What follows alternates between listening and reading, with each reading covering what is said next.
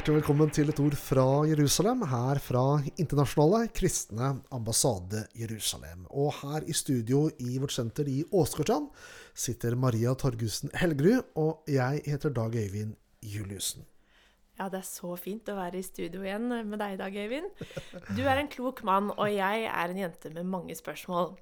Så jeg har tenkt litt på én ting jeg lurer på om du kan svare på. Jeg syns det er litt spesielt at vi har et eget ord for hat mot jøder. Man snakker jo da om antisemittisme. Ellers så bruker man jo rasisme og diskriminering ikke sant, i, i tilfeller. Men hvorfor er det et eget ord for dette her? Ja, jeg må begynne med å si at du er jo klok sjøl, Maria. Tusen takk. Som stiller sånne spørsmål. Da.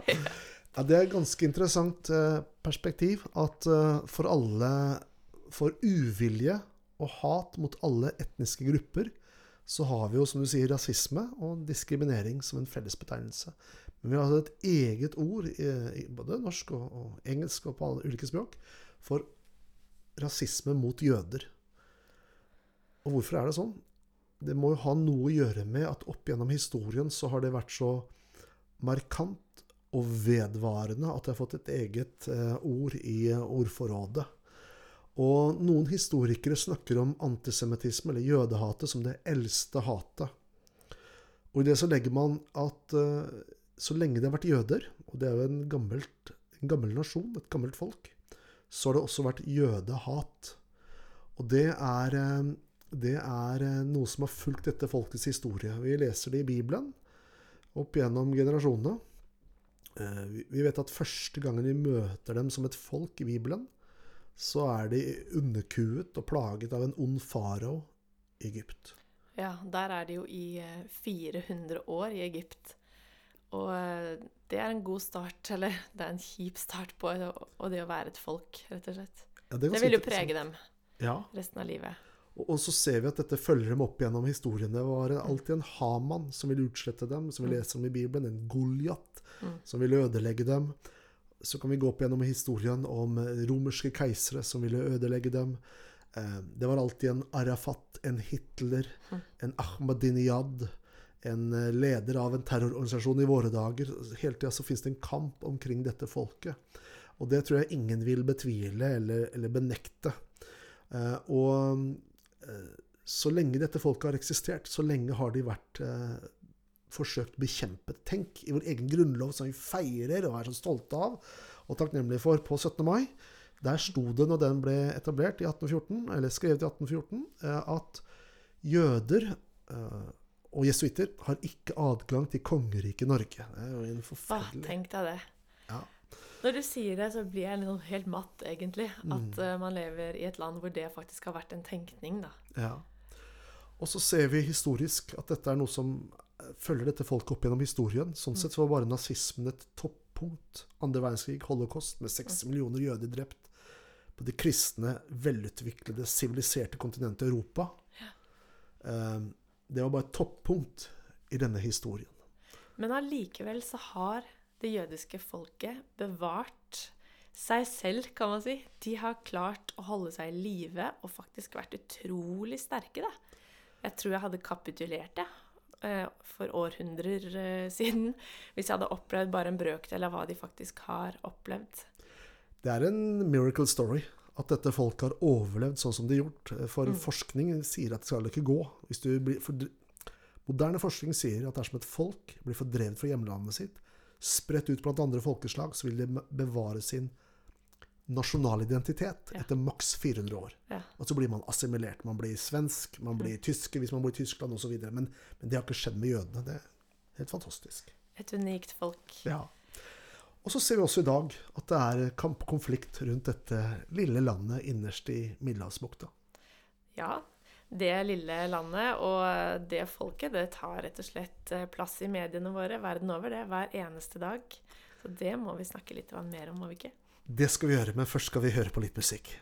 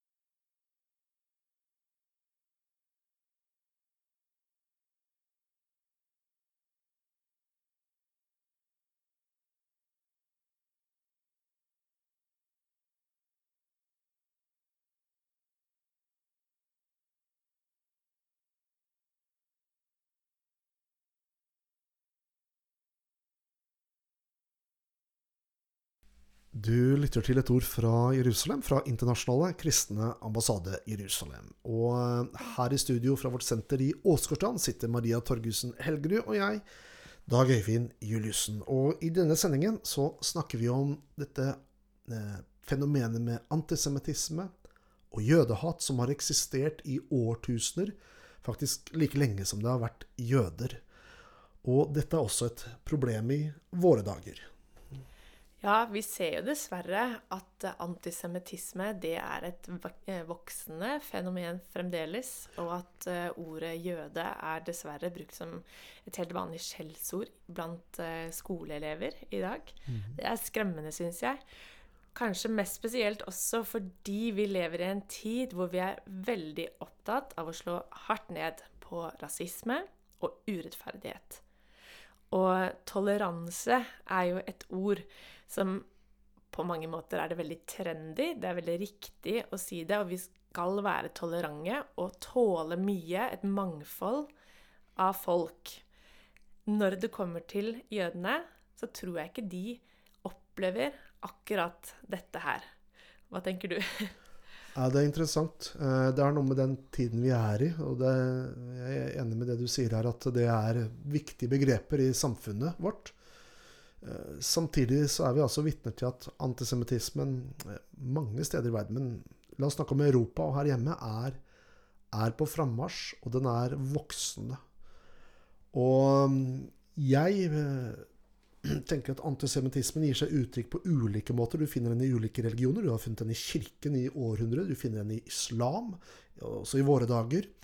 Ehm, du finner den klassiske antisemittismen med konspirasjonsteorier om jødene som eier pengene, eier media, eller eier, vil ha verdensmakten osv. Eh, og så er min påstand, og det er jo ikke bare jeg som mener det, men at jødehatet fikk et nytt ben å gå på når staten Israel ble opprettet. Ja, og noe vi ofte hører i media, det er jo hvordan Israel ulovlig okkuperer Vestbredden. Og, og, så, bare her i landet, så er det jo flere som ønsker å boikotte Israel. Og da tenker jeg med en gang at man ikke ønsker å ha Jaffa-appelsiner i butikkene. Men tenk på, hvis man virkelig går inn for full boikott av Israel, hva, hvordan ser det ut egentlig? Er man klar over konsekvensen av det? Fordi jødene er jo fremragende når det kommer til teknologi, eh, medisinske studier, forskning, IT, cyberforsvar og terrorforslag. De er jo ledende i disse feltene. Og hvis man skal boikotte Israel, så er det ikke å si nei til appelsiner, det er til å si nei til alt det. Hvilke ringvirkninger får det egentlig for oss? Ja, Det tror jeg ikke folk har helt oversikt over. Jeg var og talte i et eh, arrangement i Bodø for en tid tilbake. Da kommer en lokal beboer der og fortalte, eller innbygger der og fortalte at uh, nettopp så hadde israelske leger vært på sykehuset i Bodø for å lære opp ansatte der med en ny en maskin utviklet i Israel, en slags hjertemaskin, jeg vet ikke noe mer enn det. Mm. Eh, og, og, var der for å utruste de ansatte eh, i, i, bruken av det her. Og det er ganske interessant. Mm. Her er en liten by langt nord i verden som får hjelp av israelsk teknologi. Så, ja. så det er ingen tvil om at skulle man gjennomføre en sånn boikott, så er det mye mer enn å bare slutte å spise appelsiner fra Israel. Ja, da hadde den maskinen stått der, og liv vært i fare, rett og mm. slett. Mm. Men er det andre land som driver med ulovlig okkupasjon, som blir eller ikke blir boikotta pga. det, eller? Ja, det er jo det som er det perspektivet her, at man singler Israel ut. Mm. Eh, for det første så bestrider jo vi påstanden om at Israel ulovlig okkuperer. Mm. Fordi de har aldri tatt det fra noen andre land. Det er ingen andre nasjoner eller stater som har noe eiendomsrett til Vestbredden. Mm. Dette området ble gitt som et hjemland til det jødiske folk gjennom San Remo-vedtaket, Folkeforbundet i 1922 osv. Det er den ene siden av det. Men f.eks. Tyrkia, da, ja. som okkuperer Nord-Kypros, som driver ganske massiv krigføring mot kurdere. Ja. Selv om de vil hevde at det er PKK og terrorister de kriger mot. Men vi vet jo at de angriper kurdiske mål i, i regionen. Det er det ingen som snakker om boikott av. Tyr Ja. Kypros, der drar man jo på ferie. Ja, ikke sant?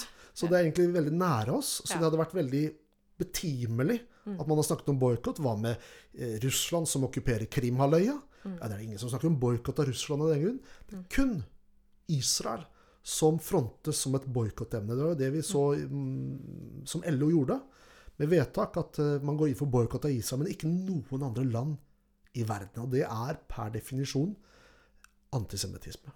Ja. En eh, moderne variant av det, rett og slett. Eller en tidsriktig ting å gjøre, da. Hæ.